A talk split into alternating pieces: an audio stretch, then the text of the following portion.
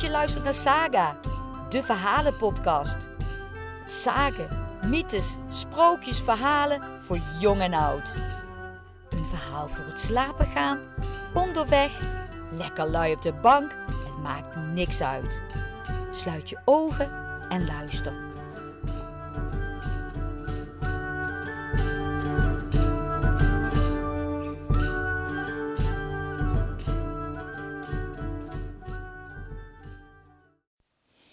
De volgende sage heet De Bultenaar van Buiksloot. Buiksloot is een plaats die vroeger in de polder lag en waar ook marskramers langskwamen. Tegenwoordig is het een deel van Amsterdam. En daar woont nou net in de Jordaan tante Cor, een waarzegster.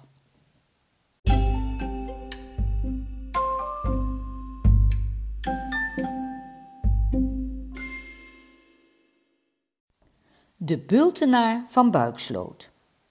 Een vrouw in Buiksloot was betoverd. Bekold noemen ze dat in Noord-Holland boven het ei. Je hoefde haar niet eens te zien om te weten dat het goed mis was met haar, want je hoorde haar altijd en overal schreeuwen. Soms zat ze lange tijd achter elkaar stil. Ze keek dan strak voor zich uit met de handen als dode vogels in de smalle schoot. Dan stond ze plotseling op en begon zo te razen en te tieren dat zelfs de stoere polderbewoners, die nergens voor opzij gaan, het huis snel voorbij liepen. Midden in de nacht werd ze soms wakker. Dan gleed ze haastig uit het bed en ze verstopte zich achter de keukendeur of in de schuur of in de schaduw van de kast in de woonkamer. Als haar man dan laat thuis kwam van zijn werk en haar niet vond, dan ging hij haar zoeken. Maar zij wilde niet gevonden worden. Ze was bang voor iedereen, zelfs voor hem. En als hij toevallig langs haar schuilplaats kwam en zij begreep dat ze elk moment ontdekt kon worden, dan viel ze hem aan. Dan worstelden ze met elkaar tot de vrouw van het ene op het andere moment ophield. Willoos liet zij zich weer in bed tillen om in een urenlange slaap de kracht te herwinnen voor een nieuwe aanval. Op een keer stond ze met een vlijmscherp scheermes in de hand over haar man gebogen. Haar gemompel maakte hem nog net op tijd wakker. Met zijn handen klam van het zweet greep hij haar pols en draaide die om. Het mes viel geluidloos op de deken. Dat kon zo niet blijven duren, vond haar echtgenoot. Maar wie zou haar kunnen helpen? De dokter niet, die gaf haar alleen maar druppels om te slapen.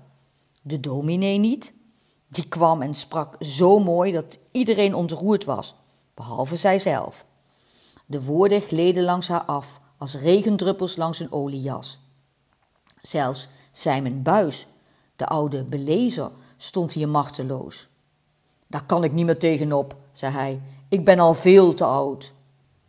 Simon raadde de man aan om in Amsterdam naar de waarzegster te gaan die in de Driehoekstraat woonde. In Buiksloot had men het op fluistertoon over de waarzegster. In de Jordaan sprak men op vertrouwelijke toon over tante Cor, die in lommerdbriefjes handelde, die gestolen goederen heelde en op zo'n manier verborg dat de politie ze nooit vond en die de toekomst kon voorspellen uit de kaarten. De waarzegster herkende het kwaad en wist het te, doorgronden. Heel veel heksen en tovenaars hadden dat al moeten ervaren zoals oude heksen zich kunnen voordoen als o zulke goede medelijdende vrouwtjes, wie niets te veel is om anderen te helpen en die zo graag eens de zieken komen bezoeken, zoals tante Cor, hun tegenstandster, ook niet zo gemakkelijk thuis te brengen. Alleen haar ogen verraden haar, haar kleine, naaldscherpe, pikzwarte ogen. En daarom droeg ze ook altijd een bril.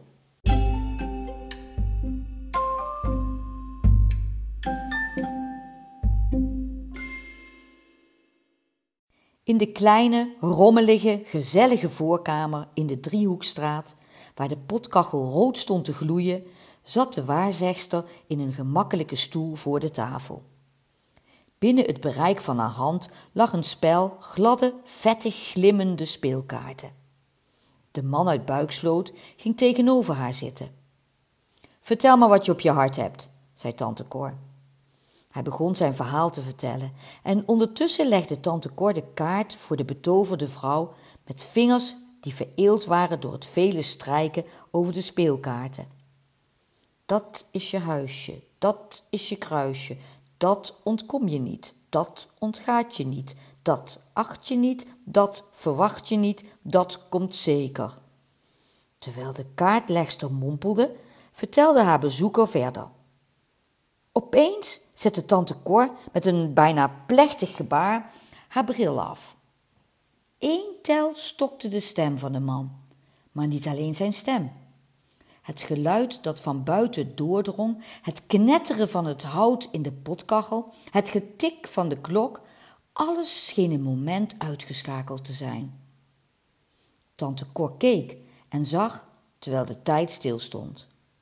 Zij las met haar eigen ogen in de levens van mensen als in een uitgelegd spel kaarten. Zij zag ook de bultenaar die de vrouw betoverd had. Kilometers van Amsterdam zag ze hem lopen over de brug die van Horen naar Enkhuizen leidt. De bultenaar schrok, want hij voelde dat hij werd bekeken en werd doorzien, maar hij wist niet hoe en door wie. Toen zette de waarzegster haar bril weer op en zei: Ik zie een zwarte man met iets zwarts op zijn rug, een buidel met koopwaar. De marskramer heeft het haar aangedaan. Waarom? Het geld ligt afgewend. Zij wilde niet van hem kopen. Wanneer is dit gebeurd? Het huis ligt gekeerd. Het was dus schoonmaaktijd. Het was de dit najaar. Zij had niet om hem moeten lachen toen hij kwaad werd omdat ze niets van hem kopen wilde. Bultenaren vergeven zoiets niet gauw. Ik zie een lange reis. Ja, zij had bijna een lange reis gemaakt, een reis waarvan niemand ooit terugkomt. Maar nu zal ze gauw beter zijn. Wie, wie is het?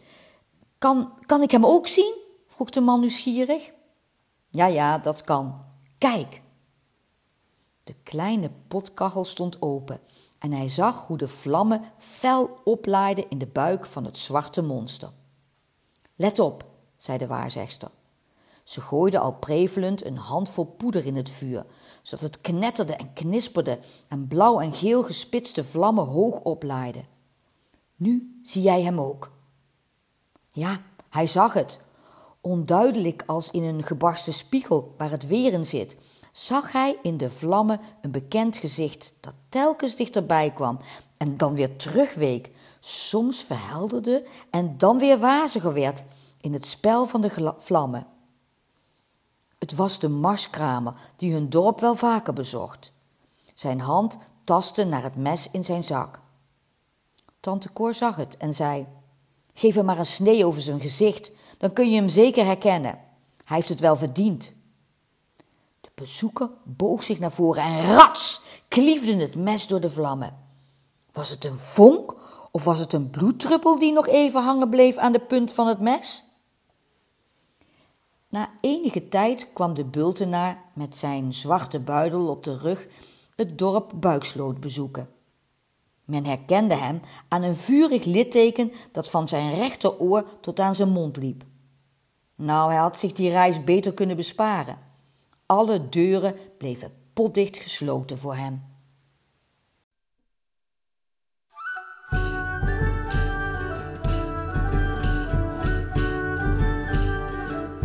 Bedankt voor het luisteren naar Saga.